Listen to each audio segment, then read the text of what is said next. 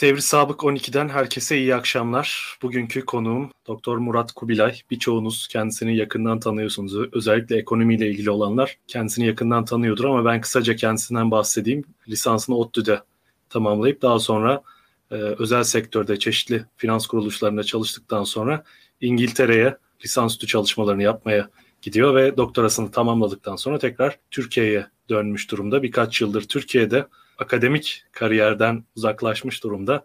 Tamamen kendisini Türkiye ekonomisine adamış durumda öyle diyebilirim. Bunun için sürekli yayınlar yapıyor üretim faaliyeti içerisinde. Ben, ben de onu devri sabıkta konuk etmekten çok mutluyum şu an. Hoş geldin hocam. Hoş buldum. Teşekkür ederim bu ince girişten ötürü. Bu arada Murat Hoca'nın bir de kitabı var. Onu da tanıtmış olayım. Ben de yakın zamanda edindim ve okumaya başladım. Eminim çok öğretici, çok faydalı olacaktır. Siz de temin ederseniz. Herkes için ekonomi bu kitabı da tavsiye ederim. Ekonomiyle ilgilenenler veya ilgilenmek isteyenler için de iyi bir giriş kitabı niteliğinde. Bu arada kitabın telif gelirleri de Çağdaş Yaşamı Destekleme Derneği'ne bağışlanmış durumda. Bu bilgiyi de paylaşmış olayım. Teşekkürler. Hocam öncelikle nasılsın diyeyim? İyi misin? Her şey yolunda mı?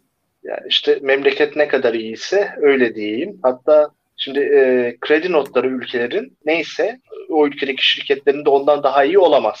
Az çok böyle bir genel kaide vardır. Yaşadığınız ülke sizi bağlar. Sadece çok böyle ender e, örnekleri vardır. İşte yurt dışına çok bağlı bir şirketseniz o zaman mesela işte Türkiye'deki Mercedes firmasının kredi notu daha yüksektir. Türkiye'den bile yüksektir. Çünkü bir Almanya'dan faydalanır. Yani bu derece yurt dışına bağlanmış, yurt içiyle bağlantısını kesmiş, umurunda değil diyen bir kişi değilseniz Türkiye'nin nasıl kendi durumu kötüyse o da size de yansıyor. Ee, en fazla o kadar iyi olabiliyorsunuz. O yüzden bu örneği vermek istedim. Bence güzel bir örnek oldu. Hazır böyle doğrudan bir giriş yapmışken konuya spottaki sorumuzla başlayalım istiyorum. Hocam Türkiye ekonomisi şu an gerçekten yönetiliyor mu? Yakın zamanda alınan akıl dışı görünen, irrasyonel görünen kararlar oldu. İşte bu faiz indirimleri çok tartışılıyor. Erdoğan'ın dış politika ile ilgili çıkışları çok tartışılıyor ve bunlar tüketiciye ciddi masraflar, maliyetler olarak geri dönmeye devam ediyor. Bir yandan döviz artışı bir yandan da bunların fiyatlara yansıması ve içerideki tüketimi giderek güçleştirmesi, fakirleşme olarak bize dönmeye devam ediyor. Üstelik de seçime son derece yaklaştığımız bir dönemdeyiz. Hatta seçimin e, zamanında yapılıp yapılmayacağı bile şu an ciddi bir tartışma konusu. Türkiye ekonomisi gerçekten yönetiliyor mu? Şu an Erdoğan'ın yapıp ettiklerinin iktisadi alanda Merkez Bankası ile ilgili kararları olsun, diğer kararları olsun. Türkiye ekonomisinin hakkında alınan kararların bir rasyonelitesi var mı gerçekten hocam? Şimdi şöyle söyleyeyim, tünden irrasyonel diyemem ama daha çok e, bir nehirde kontrolü büyük ölçüde yitirmiş bir şekilde sürüklenmeye benziyor. Ara ara tabii ki temeli olan kararlar da alınıyor. En nihayetinde dış politikayla dış ekonomik ilişkiler bir ülke yönetimindeki en hassas yerler. Çünkü muhatabınız bu sefer ülke içerisindeki muhalefet değil. Ülke içerisinde kendi vatandaşlarınız değil. Bambaşka diğer uluslar ve siz de çok güçlü bir ülke değilseniz daha adını da koyalım. 448 milyar dolarlık dış borcunuz varsa bunun 169 milyar doları bir yıldan kısa vadeli ise Merkez Bankası'nın döviz rezervleri swaplar düşürdükten sonra net eksi 36 milyar dolarsa o zaman bunlara daha çok özen göstermek zorunda kalıyorsunuz. Çünkü yabancı etkilere daha e, muhtaçsınız. Fakat e, işte tam da böyle bir ortamda Türkiye'deki her şeyin, hani çok siyasete girmeyelim diyoruz ama girmemek mümkün değil. Her şeyin Cumhurbaşkanı Erdoğan'ın ve kendi çevresinin siyasi bekası üzerine kurulduğu için e, işte beklenmedik kararlar alınabiliyor. Eskiden böyle alışılmadık kararları yani daha siyasi konulardan bahsedersek mesela 7 Haziran seçimlerinden sonra görmüştük yani olağan dışı politik araçlar kullanılmıştı. Buna benzer olağan dışı ekonomi politikası araçlarını Berat Albayrak 2018'den sonra kullanmıştı. Yani bir bilinç var, art niyet var, hatta suç unsurları var. Fakat yine de bir e, rasyonelitenin parçasıydı. Şimdi yapılanlarsa böyle bir rasyonelitenin parçası dahi değil. Sürüklenme halinde ama dediğimiz gibi sonuçta teknik uzmanlar var. Kimi yerlerde işi kuralına uydurmaya çalışıyorlar. Yani uzun bir giriş oldu belki ama şunu vurgulamak istiyorum haliyle bütün burası e, küçümsemeyelim ama bir Orta Amerika ülkesi değil. Yani tabirle Muz Cumhuriyeti değiliz hala. Ama e, işte olması gereken Türkiye'deki kurumsallık da söz konusu değil. O yüzden de birbiriyle tutarsız politik hamleler oluyor. Çok basit bir şekilde bir örnek vereyim sonra sözü geri bırakayım. Mesela şimdi çok konuşuluyor bir rekabetçi kur diye. Böyle bir şey yok tabii ama hadi var diye var e, sayalım. Bunu yapmanın yöntemi çok bellidir. Gidersiniz dünyanın her yerinde gelişmekte olan ülkelerde böyle yaparlar. Piyasadan döviz alım ihalesi yaparsınız. Dövizleri toplarsınız. Dövizi topladığınız için dövize ek talep yaratmış olduğunuz için döviz kuru yukarı gider. Bu esnada zor günlerde kullanmak üzere hem döviz biriktirirsiniz ki bizde çok eksik işte az önce söyledim eksi durumdayız. E, diğer taraftan da kuru yukarı şikayetsiniz ve rekabet gücü en azından geçici sureyle kazanırsınız. E, ama e, Türkiye'de yapılan böyle değil. Risk birimi arttırarak olabilecek en kötü şekilde yapılıyor. E, demek ki bu da bir yanlı bir e, yöntemle olmadığını gösteriyor. Yoksa yani bunları bulmak, etmek, öğrenmek öyle çok zor gizli bilgiler değil. Çok rahatlıkla lisans düzeyindeki bir iktisat öğrencisinin bile bilebileceği şeyler. Ama diğer taraftan da tamamen yanlış şeyler de yapılmıyor. Örneğin 2018 değil 2020'de Berat Albayrak birkaç ay daha görevde kalsaydı dış ödemeler dengesi krizi yaşayacaktık. Yani 80'lerden öncesinde olduğu gibi döviz bulamaz hale gelecektik. İthalat zorlaşacaktı. Dış borç ödemeleri zorlaşacaktı. Bir kaos olacaktı. E şimdi onu oraya getirecek şeyler hala olmuyor. Demek ki bu da eskiye göre belirli dersleri almışız. Belli bilinç e, oluştuğunu gösteriyor. Onu da nereden anlıyoruz? Mesela bu hafta işte Akbank sonra arkasından da Yapı Kredi Bankası sendikasyon kredilerini yurt dışından tedarik ettiler. Demek ki işler de o kadar da kötü değil. Yani işte bir dar koridor diyelim. Bu tabir çok uyuyor ama e, çok kötüyle az kötü arasındaki bir dar koridorda gidiyoruz. Peki şimdi bu faiz indiriminin arkasında bir takım gerekçeler üretmeye çalışıldı. Ben de açıkçası bu gerekçeleri aramaya çalıştım. Yani e, bu faiz indirimi neticesinde kredi musluklarının açılması, tabii bu kredi musluklarının açılabilmesi için e, elde nakit de olması gerekiyor. Yani piyasaya paslanabilecek, piyasaya salınabilecek bir likite ihtiyaç var. Fakat bunların elde olmadığı da biliniyor bir yanıyla. Senin saptaman şuydu yanlış bilmiyorsam. Bu faiz indirimi aslında bir siyasi inatlaşmanın neticesiydi ve bu aslında Erdoğan'ın kendi siyasi geleceği açısında açısından da hatalı bir karardı ve şöyle bir tanımlama yapmıştım. Aslında bu, bugünkü programın başlığını da oradan seçtim. Türkiye'de bu kış gerçekten çok zor geçecek ve iktidar açısından da bu kışı çıkarmak oldukça zor olacak. Türkiye'nin en uzun kışı dedim ben de o yüzden buna. Sadece iktidar açısından değil hepimiz açısından, tüketici açısından da, vatandaş açısından da son derece zor bir kış bizi bekliyor. Peki bu kış, önümüzdeki kış ve sonrasına ilişkin öngörüler nedir? Yani bir yanıyla tabii ki ekonomik anlamda patlamalar beklene, bekleniyor. Böyle iddiaları olanlar da var. İşte dolar 15 lira olacak falan gibi iddialar var. Ve bildiğim kadarıyla sen bunlara katılmıyorsun. Bunları desteklemiyorsun. Çünkü bu dolar dalgalanmalarının şu an belli bir piyasa tarafından satın alındığını ve belli bir e, düzene oturduğunu düşünüyorsun. Fakat uzun vadede zaten birazcık ekonomiyle Türkiye'de ekonomiyle ilgilenen sıradan vatandaş için de yani büyük yatırımları yoksa sıradan vatandaş için de birazcık cebi cüzdanı birazcık da Türkiye'deki siyasi tablonun geleceğinin ne olacağını anlama, okuma çabası yatıyor. Sen bu kış ardından ve, ve bu kış sürecinde Türkiye'de bu anlamda nasıl bir gelişme olabileceğini düşünüyorsun? Yani örneğin bir sosyal patlamalar süreci yaşanabilir mi? Ee, daha baskıcı, daha kaotik bir siyasi ortam görebilir miyiz? E, müsaadenle soruyu ikiye ayırıyorum. İlk kısımda böyle faiz ve dolar üzerinden biraz konuşalım. İkinci kısımda bu en uzun kışta karşılıklı e, siyasi taraf da önemli olduğu için paslaşa paslaşa gidelim. Acaba böyle sonuçlar olur mu şeklinde. Şimdi Merkez Bankası'nın almış olduğu bu kararın tabii ki eğer gerçekten kanundaki şey uygulamak istiyorsa yani enflasyonla mücadele ise ve Bakanlar Kurulu ile Merkez Bankası ortak bu hedefi %5 belirlemişse tabii ki hiçbir şekilde tutarlı yok. Eylül ayı başında Başkan Şahap Kavcıoğlu ortaya bir çekirdek enflasyon diye bir şey attı. Bunu anlayan piyasalarda ha, belli ki erkenden faiz indirimi gelecek dedi ve e, kuru yukarı doğru itmeye başladılar. Şimdi toplamda 100 artı 200-300 bas puanlık bir indirim yapıldı. Bunu aslında yine yapacaklardı.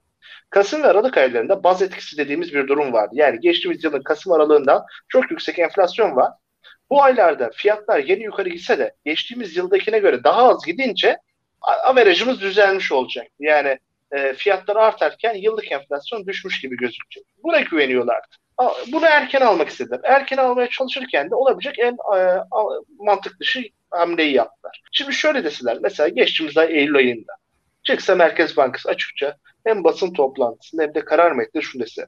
Sevgili vatandaşlar, yerli ve yabancı yatırımcılar, önümüzdeki aylarda bir baz etkisi var. Biz Türkiye'deki yatırımları canlandırmak istiyoruz. Faizi indireceğiz Bu 300 bas puanlık indirimi tek seferde bir seferde yapıyoruz. Bundan sonra 3 ay boyunca hiçbir şey olmayacak. Küresel piyasalarda, emtia fiyatlarında olumlu bir gelişme olmadığı müddetçe başka da yapmayacağız. Olursa onda o gün geleceğiz, beraber size konuşacağız. Ona göre yapacağız, yapmayacağız. Şimdi böyle bir e, süreçte gerçekleşmiyor. Böyle bir kredibilitesi yok. Onun yerine ne yapıyor? Geçtiğimiz ay bir yüz yaptı. Sonra tam olarak neden olduğunu bilemeyeceğimiz 3 tane PPK üyesi, para politikası kurulu üyesi görevden alındı. Yerine 2 tane atandı. O da bir ayrı bir durum. Bulamadılar çünkü o kadar acele sürede. Muhtemelen bundan ötürü kimse kabul etmek istemiyor bu görevi. Çünkü yani e, iktidarın son döneminde o bürokrasinin suçlarına ortak olmak riskli bir şey.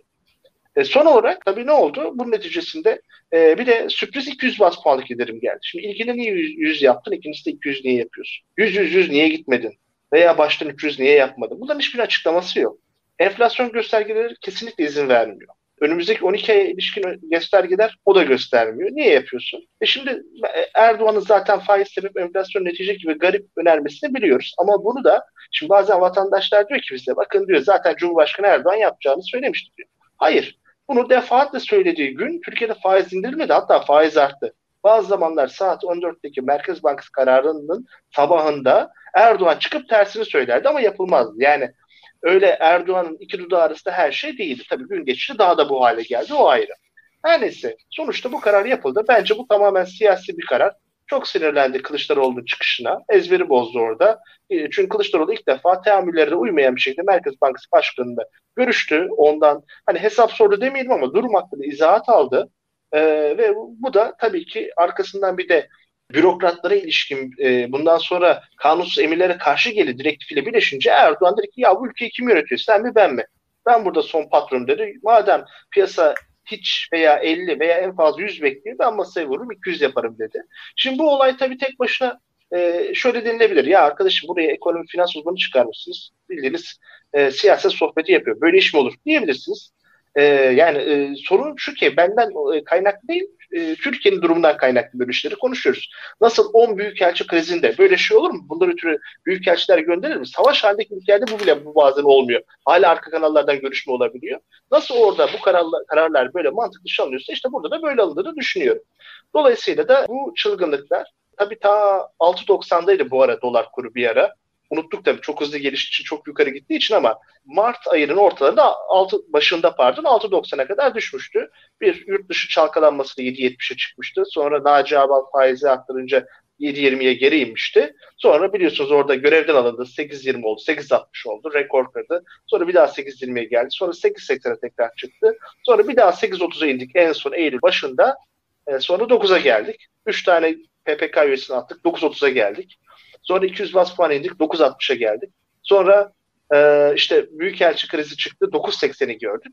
Yani aslında piyasa önceden bazı şeyleri fiyatlamış eskisi kadar çok kolay gidemiyor. Gideceğini gitmiş. Ama bu hala tüm risklerin de fiyatlandığı anlamına da gelmiyor. Çünkü şundan biliyoruz yani yeni şoklar yaşandıkça ve Erdoğan'ın da hayal gücü oldukça geniş olduğu için tabii ki bunlar fiyatlara girecektir. Ama 2013'teki gibi veya 2018'e kadar olan dönemdeki gibi değiliz. E, yani piyasa Türk lirası hiç olmadığı kadar ucuzladı. E, o yüzden bu kadar eskisi kadar yukarı gitmiyor. Yabancıların önemli bir kısmı çıktı. Yastık altına kaçacak olan kaçtı. Türkiye'nin fakirleştiğimiz için cari açığı doğal olarak azaldı. Yani fakirleştiğimiz için alamıyoruz. Ve dış borçları döndürülmeme riskimiz de büyük ölçüde ortadan kalktı. Biraz önce bahsetmiştim işte Akbank Yapı Kredi, geçtiğimiz zaman devlet hazinesi yurt dışından finansmanı sağladı. Hani böyle bir ortamda benim e, tavsiyem şudur hani mevcut risklerin fiyatlandı ama bundan sonra yeni şokların olabilecek. Yeni şoklar olmazsa ne hala ama olacaktır.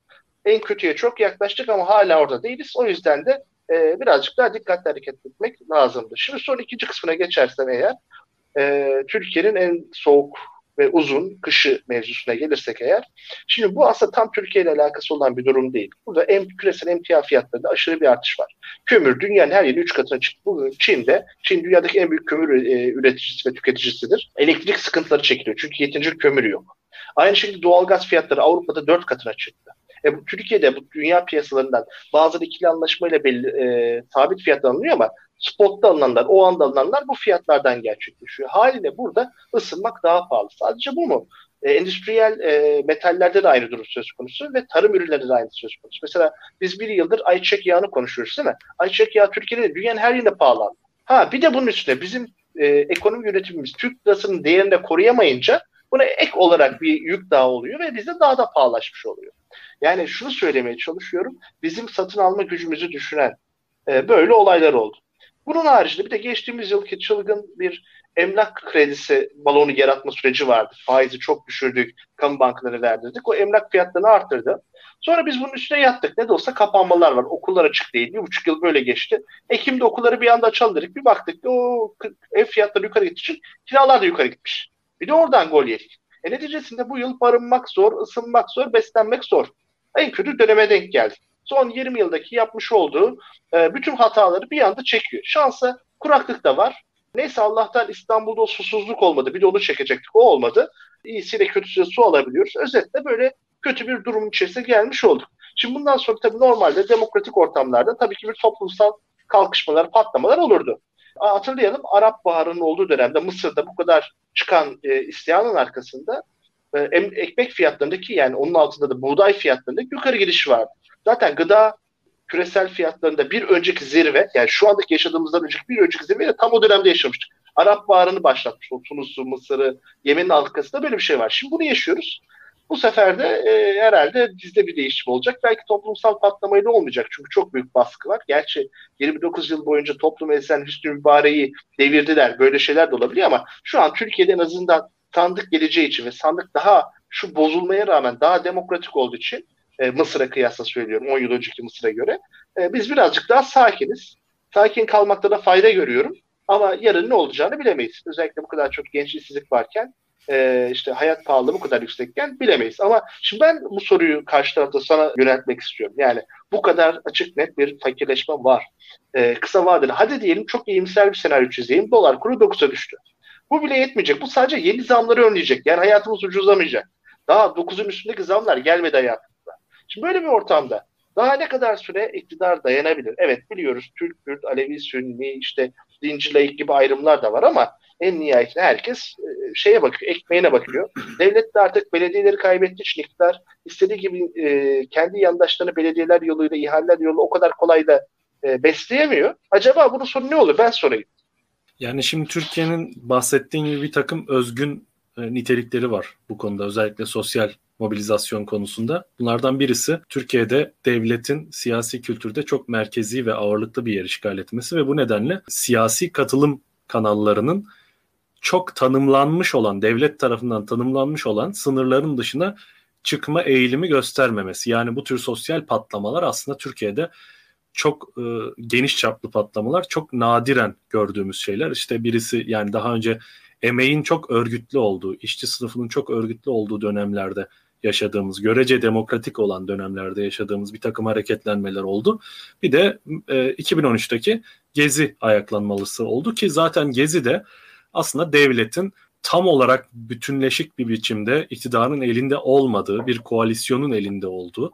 Dolayısıyla bu koalisyon içindeki çelişkiler ve çatlaklar koalisyondan kastım tabii ki AKP ve Fethullah Gülen örgütü. Bu ikisi arasındaki çelişki ve çatlaklar devletin çok agresif bir şekilde tepki verebilmesini bir şekilde önledi, engelledi ve tabii ki bu çapta bir kalkışma daha önce de beklenmediği için son derece deneyimsizdi e, bu anlamda bürokrasi, kolluk güçleri e, ve siyaset de bir bir nevi kısa bir süreli felce uğradı. Bir e, devletsiz bir dönem yaşandı adeta Türkiye'de ve siyasi iktidar tekrar kendini toparlayana kadar e, İstanbul'un Türkiye'nin en merkezi noktası bir anda geniş halk kitleleri tarafından işgal edildi ve her, her gece Türkiye genelinde yaklaşık 79-80 ilde büyük e, eylemler, mitingler düzenleniyordu. Fakat bugün farklı bir durum var.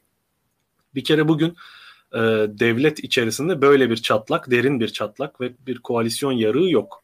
Devlet bütünüyle iktidar partisine angaja olmuş durumda. Birincisi bu. İkincisi de bizde belirttiğim bu az önceki nedenden ötürü sosyal mobilizasyon anlamında e, farklı ve zayıf bir kültür var ve dahası yakın zamanda beklenen bir e, değişim, dönüşüm beklentisi de oluşmaya ve yükselmeye başladığı için Türkiye'de bu beklenti bizdeki zaten seçimle, sandıkla iktidar değiştirme kültürünü de besleyen bir şey bu. Bu ikisi birleşince yani seçimlere olan inanç ve katılım çok yüksek Türkiye'de. Yani hem kendi emsali olan ülkelere hem de Batı ülkelerine nazaran Türkiye'de seçimlere katılım oldukça yüksek. Genelde %80'in üzerinde hatta zaman zaman %90'ı buluyor. Bu e, sisteme olan aslında seçime olan inancı ve seçimle bir, bir takım şeyleri değiştirebilme inancını e, gösteriyor toplumda. Bir de e, bizde seçimlere yönelik böyle bir gelenek de var, böyle bir kültür de var. Yani seçimler çok önemli bir meşruiyet kanalı ve farklı siyasi katılım kanalları tıkalı olduğu için Türkiye'de yani sokağa çıkıp eylem yapmak, gösteri yapmak, işte hak aramak, grev yapmak, fabrika işgal etmek, boykot vesaire gibi e, aslında demokratik olan, anayasal haklar olan protesto yöntemleri Türkiye'de şu an baskılanmış olduğu için de insanları sandığa ve seçime daha fazla birazcık mahkum ediyor diyebiliriz. Ve ufukta da böyle bir değişim beklentisi seçim yoluyla, sandık yoluyla değişim beklentisi belirdiği için ben de açıkçası e, böyle çok büyük bir toplumsal kalkışma beklemiyorum. Bir e, sosyal patlama beklemiyorum. Dahası e, şu da var emek örgütlü de değil şu an Türkiye'de. Emek örgütleri son derece zayıf, sendikalar zayıf ve sendikal haklar ciddi ölçüde baskılanmış durumda.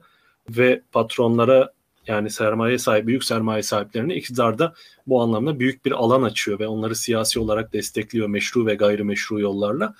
Dolayısıyla ben de açıkçası e, bu tarz bir sosyal patlama beklemiyorum diyebilirim özetle. Ancak şu da söz konusu olabilir. E, bu baskı yani bu bundan e, bundan endişelenerek iktidar baskıyı ve e, kaos, korku yayma stratejisini yükseltmeyi deneyebilir ki zaten buna ilişkin e, doneler de var. izliyoruz işte Akşener'e Akşener'in başına getirilmeye çalışılan şeyler.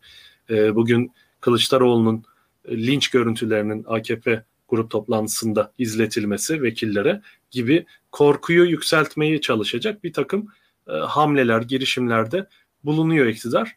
Ancak bunların da birer tehditten, birer blöften öteye geçebileceğini ben düşünmüyorum Türkiye'de. Ve toplumdaki bu değişim baskısı dediğin kış koşulları ve ekonomik koşullar, çetinleşen, zorlaşan ekonomik koşullar nedeniyle değişim baskısı yükselecek ve kamuoyu araştırmalarına da yansıyacağını düşünüyorum. AKP'nin oyları biraz daha özellikle 30'un altına doğru iyice oturacak diye tahmin ediyorum ben. Soruna böyle bir yanıt ve yorum vermiş olayım. Senin anlattıkların ve genel ekonomik gidişata ilişkin e, naçizane değerlendirmelerinden yola çıkarak. Şöyle bir soruyla devam etmek istiyorum öyleyse.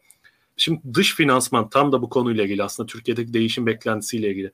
Dış finansman meselesi e, hala e, finans kuruluşları bir şekilde yurt dışından kaynak bulabiliyor. Bu acaba Türkiye'deki değişim beklentisinin aslında dışarıya da yansıması ve iktidar değiştikten sonra ekonomik dengelerin birazcık rayına oturacağı beklentisinden kaynaklanıyor olabilir mi bu finansmanın hala kapan, e, bu muslukların kapanmamış olması?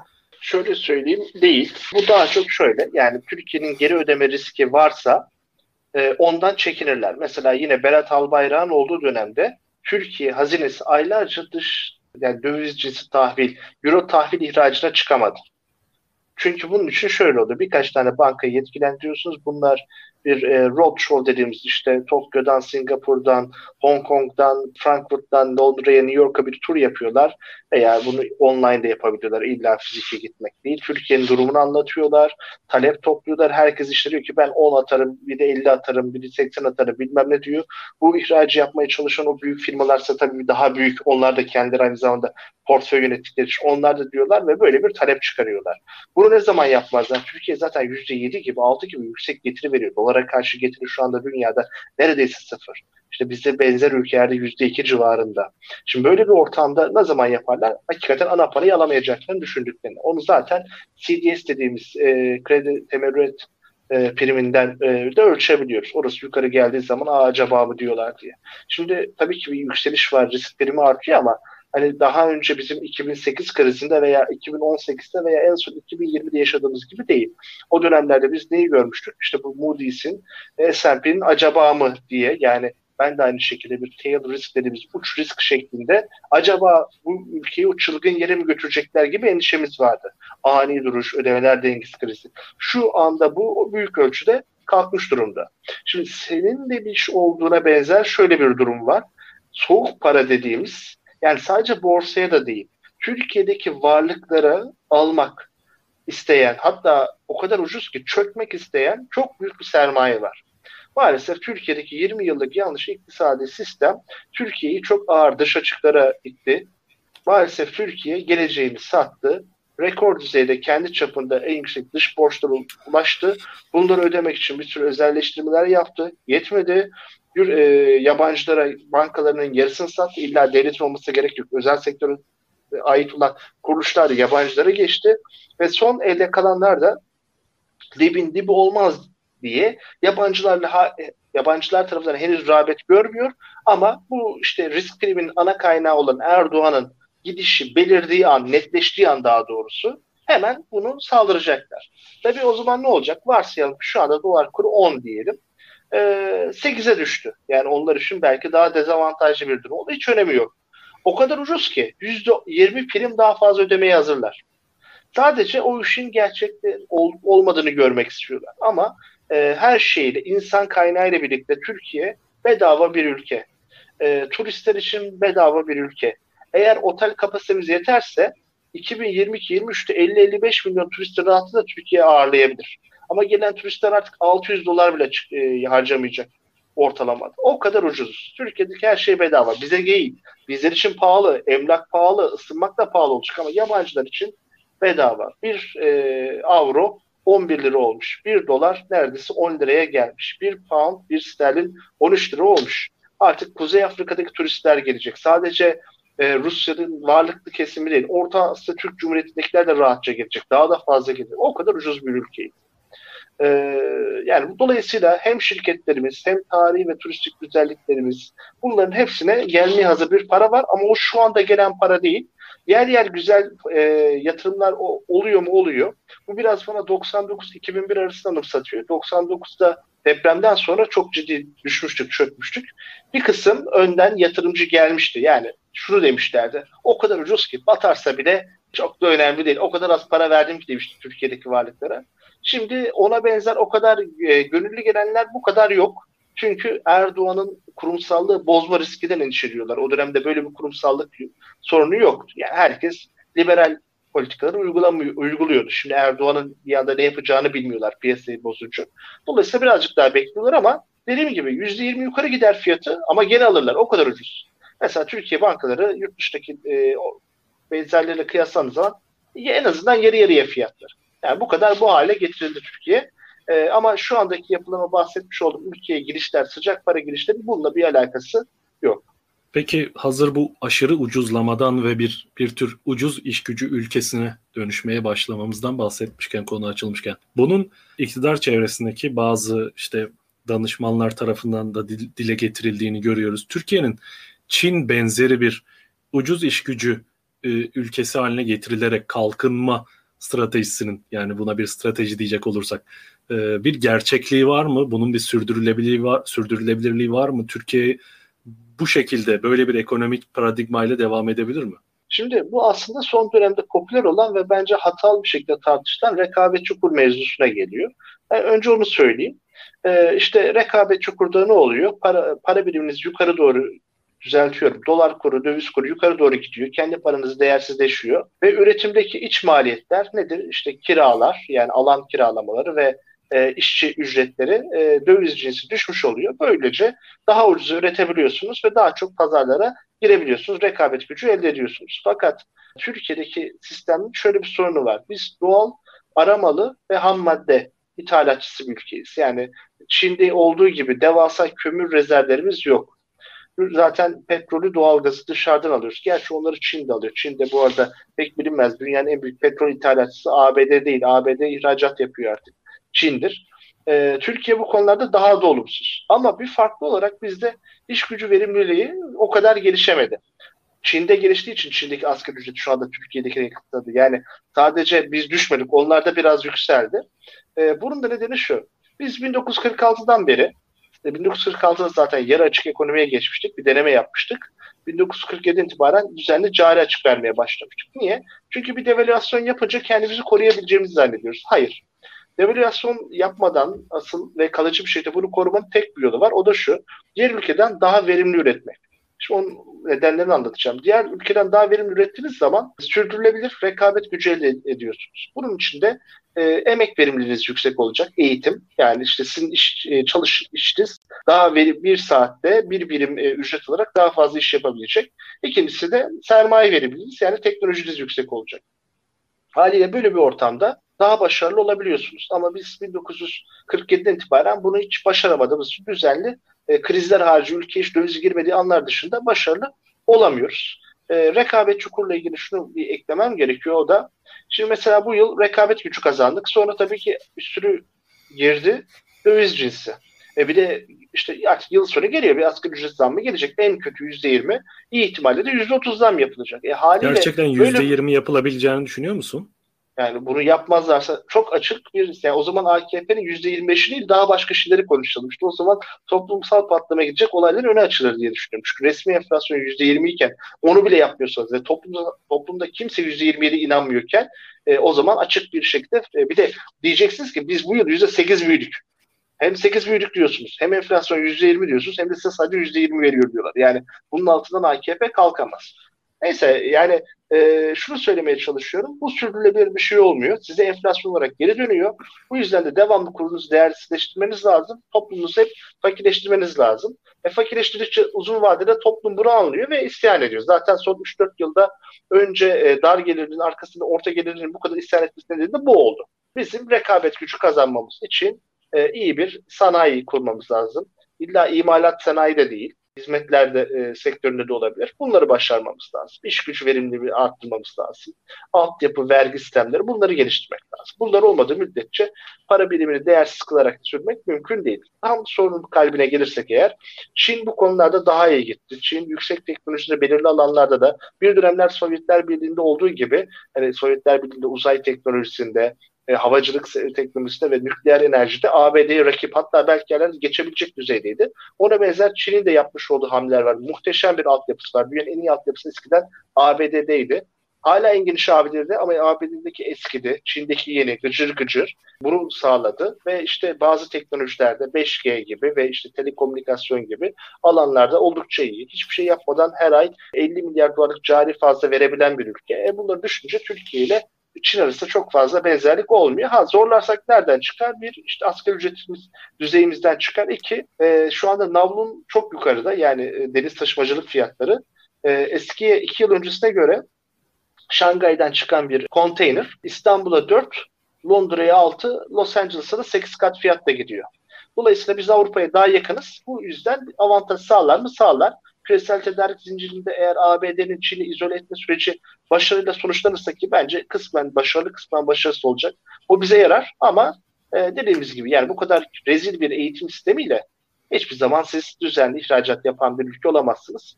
Türkiye düşük teknoloji ürünlerini bile dışarıdan alıyor. Mesela Çin sadece Kore'den, Almanya'dan ve Japonya'dan fabrikayı üreten makineleri alırken biz en e, basit oyuncakları bile Çin'den alıyoruz. Dolayısıyla bu olmaz. Keşke olsa ama. Peki aslında bu şu an siyasi sonuçları bakımından bu yaşadığımız krizin değinmemiz gereken çok fazla başlık var ama ben kısaca hazır bu gündemdeyken tezkere meselesine de değinmek istiyorum. Yani bir Suriye'de savaşa girme veya bir yeni bir Suriye operasyonu endişesi veya tezkerede geçtiği için meclisten artık böyle bir gündemimiz de var. Buna hazırlanıldığına dair işaretler var. Ancak CHP sağlam bir şekilde buna karşı çıktı. Hayır dedi. Fakat tabii ki Suriye'de savaşa girebilmenin veya orada e, Türkiye'nin en azından AKP iktidarının iddialarını harekete geçirebilmesi, bu iddiaları gerçekleştirebilmesi için e, uyması gereken bir takım e, oradaki diplomatik dengeler var aslında. Hava sahasının açılması sorunu örneğin ve hava sahasının Türkiye'ye açılmayacağı ortada. Hava sahası açılmadan da orada başarılı bir operasyon, e, derinlemesine bir operasyon yapılması aslında çok da mümkün değil.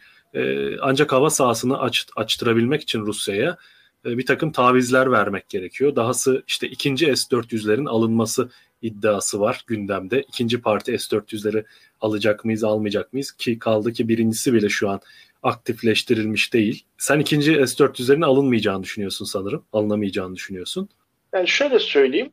Şimdi zaten birincileri kullanamadık bile. Hatta bir gri çözüm yaratmaya çalıştık. Afganistan'a mı götürsek, Akkuyu nükleerde korumakta kullansak acaba başka bir ülkeye verebilir miyiz, edebilir miyiz gibi. E, çok konuşuldu bunlar. Hulusi Akar'ın da bu tip pazarlıklarını yaptığı dair. Doğrudur değildir bilmiyorum.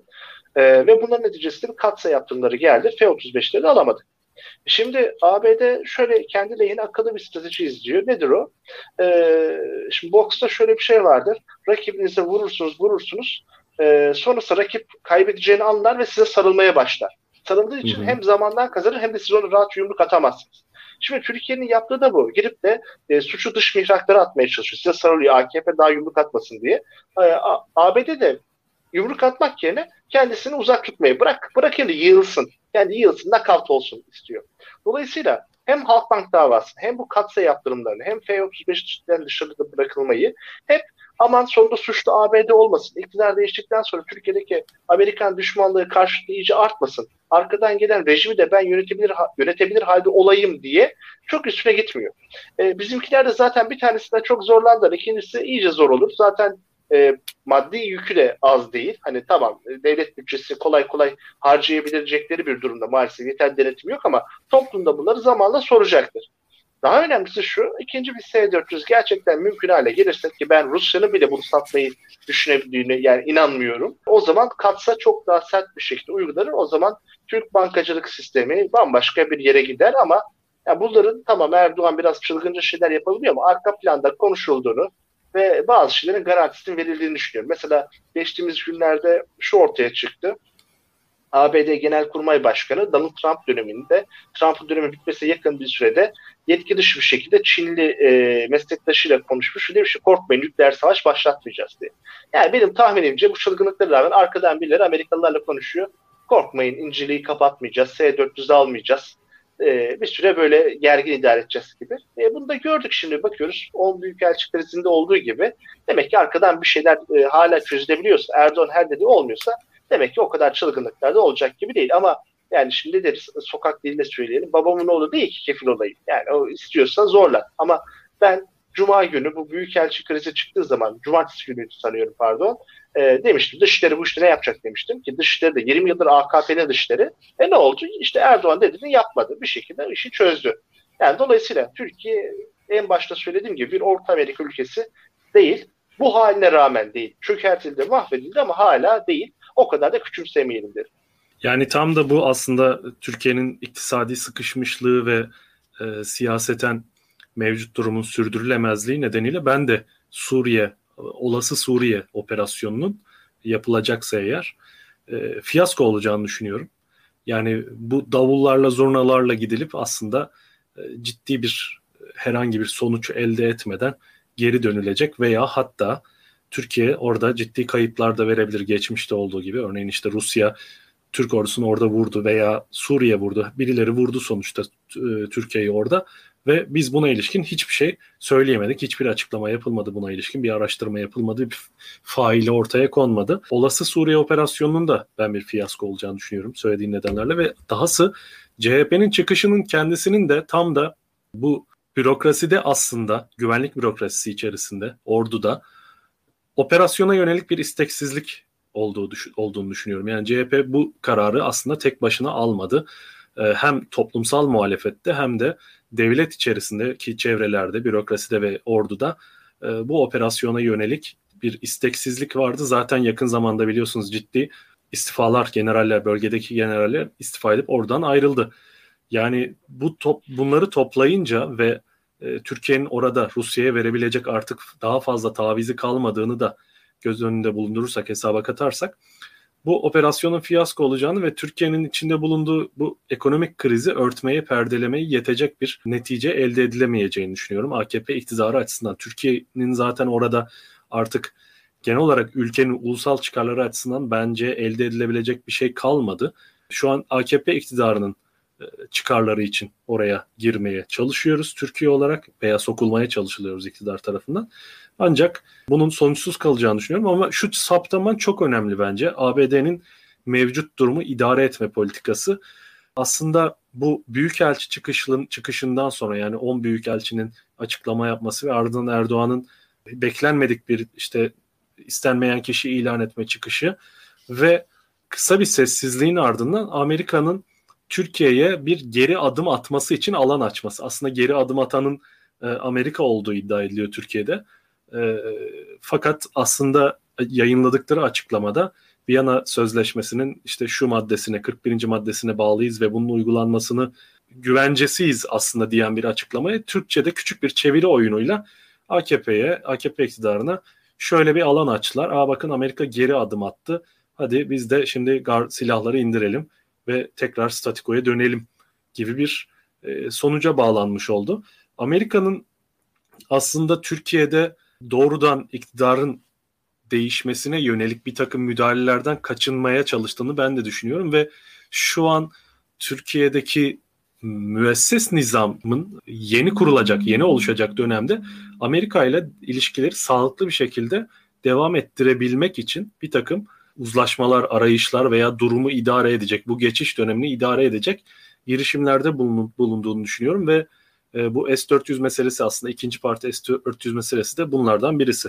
E, ben de bu nedenle bu konuda bir sonuç alınamayacağını düşünüyorum. Öte yandan e, bir de e, Türkiye'nin bu konuştuklarımızın Türkiye'nin geleceğine ilişkin etkisini de birazcık değinelim ama bir, ona bir geçmeden önce tabii girebilirsem şundan bahsettik az önce bir e, dışişlerinin de bir direnişten bahsettik. İkinci olarak TSK içerisinde işte istifalarla kendisini gösteren Suriye'deki yeni bir operasyona karşı isteksizlikten bahsettik. Bir de ben kendi alanından bir tane daha verip e, birleştirmek istiyorum. O da şu.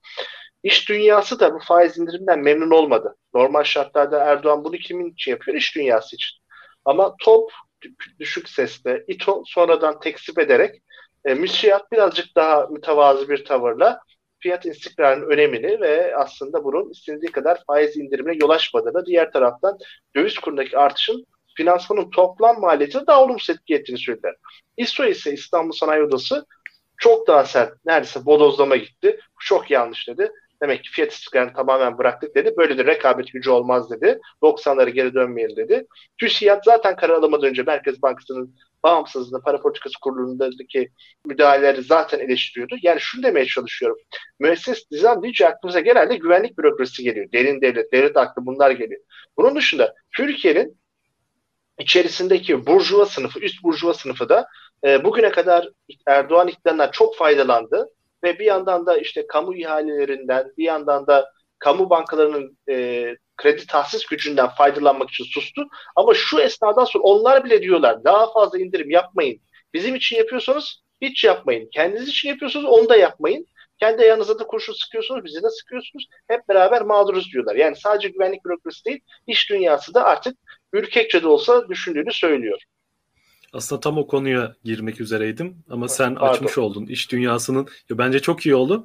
İş dünyasının bu çıkışları e, ve müesses nizam tırnak içinde müesses nizamın e, sivil toplum içerisindeki ayağı diyebileceğimiz e, işte TÜSİAD gibi Türkiye'nin geleneksel sermayesini temsil eden kurumların TOP gibi İstanbul Sanayi Odası hatta dediğin gibi en radikal çıkışı o yaptı. Bu çıkışlarının ben de çok önemli olduğunu düşünüyorum ve şöyle bir önemli bir ayrıntıya dikkat çekmiştin. Yani bunlar birer siyaset, siyasi parti değil. Bunlar birer muhalefet unsuru değil. Yani muhalefeti temsil edecek ve onun sesini yükseltecek birer unsur değil.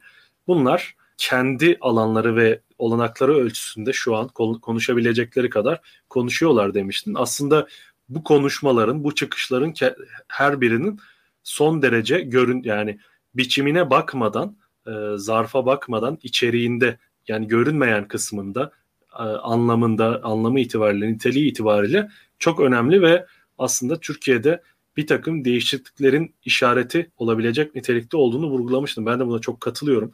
Bunlar böyle iktidara yönelik çok sert, radikal diller kullanmıyor olabilirler siyaseten.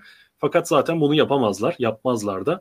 Ee, gelecek kendi gelecekleri açısından da çünkü bunlar tehlike arz eder. Gel, Türkiye'de sadece e, bu iktidar değil bundan sonraki iktidarlar açısından da birer korku kaynağı, korku unsuru ol, olmamak için böyle bir risk oluşturmamak için kendilerini güvence altına alabilmek için de bu tarz e, keskin siyasi çıkışlardan aslında kaçınıyorlar ve mevcut yaptıkları çıkış bile bence son derece anlamlı ve kendileri açısından radikal diyebileceğimiz çıkışlar. Peki bu işin bir de yarını var. Bu yaşadıklarımızın yani bugün yediğimiz hurmalar ne olacak? Şu an Türkiye ciddi bir borç batağına batmış durumda. Uzun yıllar bu borçları ödemeye çalışacağız. Borçların faizini ödemeye çalışacağız hatta ve nesiller boyu bu yükü taşımak durumunda kalacağız. Aslında bu 20 yıllık hatta geçmişi de var ancak özellikle AKP döneminde yaratılmış olan tahribat, yıkım tam bir Türkiye'nin geleceğini ipotek altına alma diye tarif edebileceğimiz türden bir yıkım.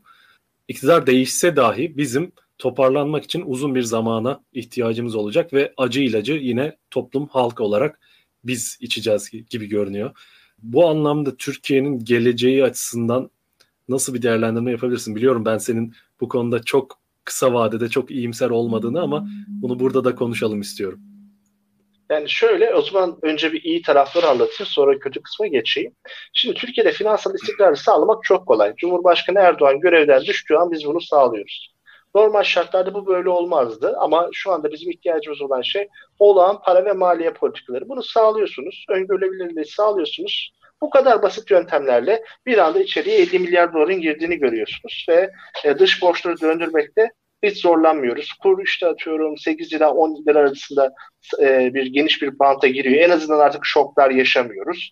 E, işte yurt dışında Fed e, veya Avrupa Merkez Bankası'nın veya Çin'deki Evergrande gibi şirketlerin yaratabileceği krizler artık biz kırılgan en zayıf ülke olarak değil tam tersi. Zaten para birimi çok değer kaybetmiş, çok ucuzlamış. Türkiye'ye e, çok da dayak yemez denilecek ülke oluyoruz. Yani e, bir nevi e, kurşun geçilmez hale geliyor. Çünkü o kadar çok yemişiz ki kurşunu yani. E, böyle bir duruma geçiyoruz. Bunlar kolay yapılacak şeyler. Yine temel hak ve hürriyetler de gene gelir. İşte sabaha karşı evimizin kapısı çalır bir anda bizi götürürler mi? Sokakta saldırırlar mı? Bu tip bunlardan da kurtuluyoruz. İşte İstanbul Sözleşmesi de gelir. Kadınlarımıza daha rahatça yürür.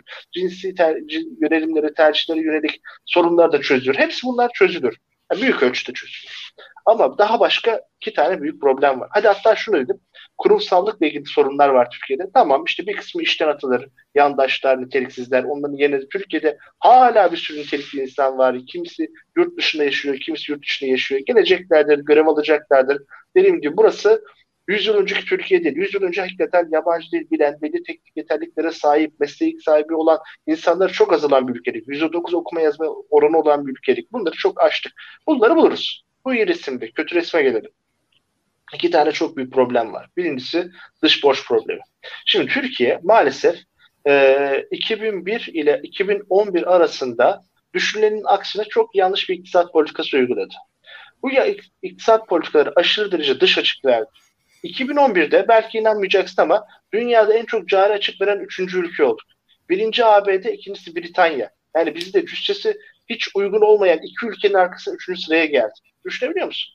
Yani o kadar çok üretmeden tüketmişiz ki o kadar çok sıcak paraya kendimizi açıp e, düşük kur politikası uygulayıp aslında hak etmediğimiz bir hayatı yaşamışız ki ve orada topladığımız paraları da lükse, ithal araçlara, gereksiz gayrimenkul ve altyapı projelerine yatırmışız ki Türkiye arkasından finansal bağımsızlığını yitirmek zorunda kalmış. Bakın mesela şeyi söyleyeyim. E, Özal döneminden 2001'e kadarki olan dış borç artışı mesela 130 milyar dolara geliyor 2001 krize doğru.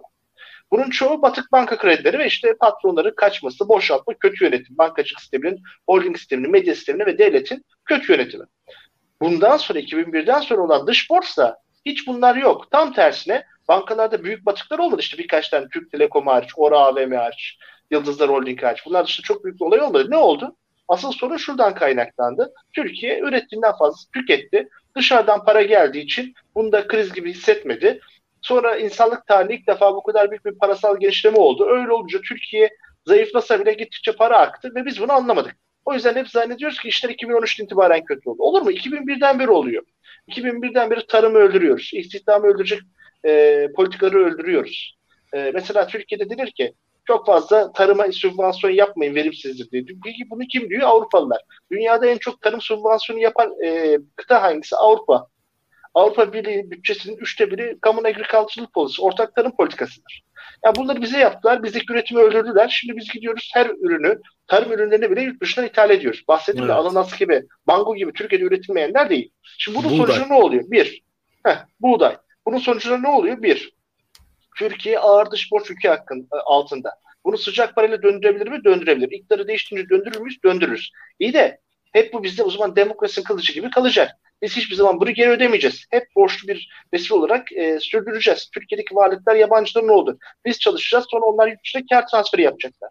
Peki biz bizim şirketlerimiz yurt dışında ne kadar çok şirket aldı? Yok. O zaman Türkiye'ye ne kadar para gelecek? Soru işareti. Birinci sorun bu. Dış borç. İkinci sorusu şu. Bu kadar üretimin azaldığı, e, Türkiye'nin bu dönemde çok kötü bir eğitim sistemiyle nitelikli, çok nesli yeterince geliştiremediği bir ortamda yine teknolojide yeterince yatırım yokken altyapı yatırımlarının birçoğu ithalata dayalı ürünler e, neticesinde gereksiz altyapıya harcanmıştır. İşte örneğin üstünden kimsenin geçmediği köprüler veya bir Süper Lig'de takım olmayan takımlara e, 30 bin 40 bin kişilik stadyumlar bunları harcanmışsa e, sonra neticesi ne olacak? Biz istihdam yaratmayacağız. Çünkü Türkiye istihdam yaratmayan bir büyümedi. Hemen rakamları destekleyeyim. 2015 yılı birinci çeyreğinden 2020 yılının birinci çeyreğine kadar olan 5 yıllık sürede Türkiye ortalama %3 büyüdü. Ne güzel. Peki e, ne kadar özel sektör istihdam arttı? Sıfır. Niye? Yoksullaştıran büyüme modelindeyiz. E, bu modelde son 20 yılda kurgulandı. O yüzden demeye çalıştığım şey şu. Bir, aşırı dış borç altındayız. İki, kötü bir nesil yetiştirdik. İşverenlerimiz de çapsız çıktı. Sadece e, gençlerimize suç atmayalım. İşverenler de işte adam gitti bankayı sattı, et lokantası kurdu. Olur mu ya bankayı satan adam gidip de koskocaman bir e, e, SpaceX gibi. Hani onlar olmaz da onların daha küçüktür. Evet, bir çip üreticisi kurması gereken bunları yapmadı. Sonra ne oldu? İşte biz bugünkü teknolojiye e, uyumlu nesil yetiştiremedik ve genç işsizliği rekor düzeye çıkardık. Yani iki tane sorun var ne yapılırsa yapılsın kolay çözülemeyecek. Biri Türkiye'nin dış borç problemidir, diğeri de genç işsizlik problemidir. Ve öyle tahmin ediyorum ki iktidar değişse, Türkiye'ye sıcak para aksa, döviz kurlarında istikrar sağlansa, temel hak ve hürriyetler geri dönse, demokrasi dönse, liyakatle dönse bu iki yerdeki birikmiş borç sorun o kadar büyük ki biz bunları en az 5 yılda belki 20 yılda yaşamak durumunda kalacağız değindiklerin arasında şurası çok önemli buluyorum. Yani burayı tekrar vurgulamak istiyorum. Özellikle 2001-2011 arasında yaşadığımız göreli refah artışı. Aslında şu an e, Türkiye'de yeni bir iktidarın parçası olmak isteyenler açısından e, bu döneme referans verme ve bakın bu dönem ne kadar iyiydi tekrar o dönemi yaşayabiliriz gibi bir takım vaatlerde bulunmanın da aslında altının ne kadar boş olduğunu ve e, Türkiye'yi tekrar bu kısır döngüye soka, sokmayı vaat eden aslında bir takım vaatler olduğunu e, vurgulamak gerekiyor. 2001 ile 2011 arasında yani AKP'nin gö- alım gücünde sağladığı göreli artışın ardında gerçek bir büyüme yoktu. Bir balon, bir şişme vardı ve biz bize ait olmayan parayı harcayarak sahte bir refah dönemi yaşadık ve fakat bunların ödeme dönemi geldiğinde bugünü bugünleri yaşamaya başladık ve tekrar bu kısır döngüye girmemek için bu e, efendim AKP'nin ilk dönemi ne kadar da güzeldi. Keşke o dönemi tekrar yaşasak diyenleri asla e, dikkate almamak, buna karşı dikkatli olmak gerektiğini düşünüyorum birincisi. İkincisi de şu işveren ve yani Türkiye'deki sermaye profilinin dönüşümü meselesi bence çok kritikti. Şahenk meselesini aslında vurgu yaptı. İşte Garanti Bankası'ndan restoran, lokantacılığa geçti. Bunun bence daha çarpıcı bir örneği var. Eczacıbaşı. Eczacıbaşı'nın kendisi Türkiye'deki geleneksel sermayenin en önemli temsilcilerinden biri. İşte Koç'la, Sabancı ile birlikte. E, hatta Sabancı'dan daha köklü bir kurum Eczacıbaşı. Boşuna Fakat, Eczacıbaşı soyadı da verilmemiş. Evet, evet. Osmanlı'dan beri hatta bir şekilde ticaretle uğraşan bir aile ve bu aile dahi e, kendi üretim yatırımlarını, sanayi yatırımlarını yavaş yavaş elden çıkarıp inşaat sektörüne falan girdi. Çünkü çok karlıydı. Çünkü çok kolay kredi aldı. Çok hızlı bu kredileri nakite çevirebildi AKP destekleri, sübvansiyonları sayesinde ve oradan bir bir tür vurgunculuğa doğru e, yelken açtı. Yani bu işverenin de aslında Türkiye'de çapsız olması meselesi e, hala geleneksel üretim yapısını koruyan bazı e, büyük köklü kurumlar var fakat e, Türkiye'de aslında sermaye de büyük ölçüde AKP'lileşti diyebiliriz bu anlamda ve bu gelecek açısından da yani Türkiye'de yeniden bir liberal sistem, kurallı bir kapitalizm tesis edilse dahi sermayenin mevcut profilini de de- değiştirip dönüştürecek çok ciddi sağlam e, bir toplumsal iradeye ve devlet politikalarına ihtiyaç var. Yani uzun vadede bu dış borç meselesiyle birlikte yani bu dış, dış borcun döndürülmesi ve faiz ödeme meselesiyle birlikte Türkiye'nin e, sanayi profilini, sermaye profilini de dönüştürebilecek sağlam bir akla, uzun vadeli plan yapabilen bir akla tırnak içinde plan yapmaya, plan yapacak kurumlara ve bu kurumları destekleyecek, e, bu kurumların e, sürdürülebilirliğini sağlayacak, güç elini güçlendirecek ciddi bir toplumsal iradeye de ihtiyacımız var gibi görünüyor diye düşünüyorum. Çok küçük ekleme yapacak vaktimiz varsa eğer söyleyeceğim. Tabii ki tabii ki. İlki şu mesela işte Kanyon AVM tabii hoş duruyor. Eczacıbaşı işte çok kazançlı oldu. Ama Eczacıbaşı burayı zamanda çok başarılı düşünüp satın almadı. Ee, zaten gidip bakarsanız İstanbullar gitsin baksın. Öndeki duran ismi fabrikalar, yandaki duran ismi de Baca Deresi. Hatta e, sokağın ismi de Eczacı Sokak. Yani bunu şunun ötürü söylüyorum. Orada fabrikalar bölgesiydi. Tesadüfen işte e, önce Yapı Kredi Plaza arkasından Sabancı Center yapılınca 90'ların başında bundan biz de artık zamanı gelince deme alanının dediler. Yani çok özel bir yeri alıp da oranın yürü yağ kulum olması değil. Bir diğer örneği daha vereyim son dönem için günümüzde bence manidar. Şimdi mesela hep konuşuyoruz. Vestel Avrupa'nın en büyük işte elektronik fabrikalarından birine sahip de gerçek anlamda bir çip yapmıyor. Halbuki şu an dünyada çok büyük bir çip krizi var çip krizinden ötürü otomobil fabrikaları çalışamıyorlar. Türkiye'deki üç büyük otomobil fabrikası da zorunlu üretim ara verdiler. Gitti zorlu bir çip fabrikası kurmak yerine gitti. Tam da aynı yerde karayolları arasında 800 milyon dolar verip zorlu AVM'yi dikti. Ya arkadaşım sen bunu değil başka bir şey yapman lazım. Bu arada belki izleyicilerimiz şu itiraza gelebilirler. Bir iş insanının görevi kar yapmaktır diye. Şimdi o yan amacı çok e, yani ben kendi işimden ötürü çok fazla sayıda çok büyük servetlere sahip insanlarla oturup konuşma fırsatım oldu. Eğer bunlardan biri sanayicisi, sanayici ise veya bankacısı, bankacıysa kendisine çok gurur duyuyor. Ben başkayım diyor. Ben diyor bir şey üretiyorum diyor. Müthiş bir kendine güven var. Yine bankacı da bak diyor burada gördüğün her şeyin arkasında benim imzam var. Herkese ben kredi verdim diyor. Yani tabii ki dünya değişti. Hizmetler sektörü de önemli. Yani Google belki bir şey üretmiyor ama aslında çok şey üretiyor. Benim bunlara itirazım yok ama bizim bahsettiğimiz Google gibi şeyler değil. Yani burada sermayenin aslında belki mülkiyet olarak özel ama sonuçları itibariyle yarı kamusal olduğunu unutmamamız gerekiyor. Evet. Yani bugün şöyle bir örnek verip e, kendi kısmını tamamlayacağım müsaadenle. Kore'deki bir adam, Güney Kore'deki bir adam dese ki ben fabrikamı e, kapatacağım. Çok işler, çok karlı bir fabrikam var ama kapatacağım. Canım istemiyor. Benim değil mi ya? İstediğim gibi kapatırım. Üstünde de turşusunu kurarım. Dese dedirtmezler adamı. Zorla o fabrikanın elinden alırlar. Ucuza evet. veya pahalıya kanun çıkar. O e, üretim araçlarını boşa bırakmazlar. İşte o yüzden tamam mülkiyet senin malına çökmüyoruz, devrim yapmıyoruz ama sen de onu etkin kullanman lazım. İşte Türkiye sermayesi de bu hataya düştü. Doğrudur. Öğrenciler, gençler eğitimde kendilerini yeterince iyi geliştiremediler ama bizim sermaye sınıfı da bu hataları yaptı diyeyim. Uzattım kusura bakmayın. Estağfurullah bence çok keyifli oldu. Çok güzel açıklamalar oldu. Geleceğe dönük projeksiyonun bence çok de, son derece aydınlatıcıydı. E, şunu ekleyebilirim sadece. Yani Türkiye'de artık yeniden AKP sonrasında bir hukuk düzeni tesis edildiğinde tırnak içinde kurallı bir kapitalist düzene geri dönüldüğünde e, artık işlerin dünyada 2000'lerin başında 90'ların sonunda gibi sonundaki gibi e, yürümediğini, işte 80'lerde başlayan o neoliberal dalganın da yavaş yavaş sönümlenmeye başladığını ve dünyada da yeni arayışlar olduğunu dikkate almak, göz önünde bulundurmak gerekiyor. Ve e, Türkiye'de bu sermaye profilini, sermaye yapısını, ekonomisini bu tip çağ dışı diyeceğim ben bunlara artık. Çünkü 80'lerdeki 90'lardaki teorilerle hala Türkiye'deki bazı ekonomistler konuşup ekonomiyi o şekilde yorumlamaya çalışıyorlar. Bu tip çağ dışı piyasa yorumlarıyla artık Türkiye'nin gidebileceği bir yer yok. Tamamen e, devlet aklıyla ve tabii ki de e, buna paydaşları da katarak iyi planlanması ve sermayesinin yatırımının çarklarının dönmesinin buna göre yönlendirilmesi gereken, kamu müdahaleleri gereken şakaya gelmeyen bir sürece doğru gidiyoruz. O yüzden Türkiye'nin 2023 sonrasında veya daha önce olacaksa ondan sonra daha sürdürülebilir, daha müreffeh bir ekonomiye kavuşabilmesi için ve dünyada hak ettiği yeri alabilmesi için e, yapması gerekenler bu anlamda kamu otoritesinin, kamu kontrolünün birazcık daha rasyonel bir şekilde tesis edilip planlamanın yeniden hayata geçirilmesi diye düşünüyorum ben. Ee, söyleyeceğin bir şey yoksa hocam bugünkü programımızı sonlandırabiliriz.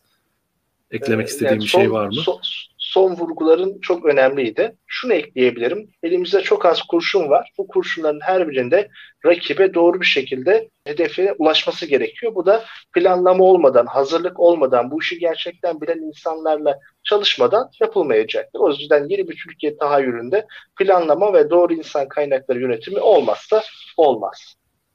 Evet ben de tüm vurgularına katılıyorum. Altına imzamı atıyorum. Çok keyifli bir program oldu. Umarım izleyenlerimiz de keyif almıştır. Öğretici olmuştur. Tekrar tekrar dinleneceğini, izleneceğini düşünüyorum. Ben bile şahsen tekrar dinlemek istiyorum bu yayını. Çok keyif aldım. Ee, çok teşekkürler hocam katıldığın için. Ee, umarım başka zamanlarda yine başka programlarda bir arada oluruz. İzleyenlerimize de çok teşekkür ediyorum. Herkese iyi akşamlar. Devri Sabık'tan görüşmek üzere. Bu arada yine unutuyordum. Ben bunu hep unutuyorum. Sonradan aklıma geliyor. Abone olmayı, e, yayını beğenmeyi, paylaşmayı, yorum yapmayı unutmayın diyorum. Çok teşekkürler. İyi akşamlar.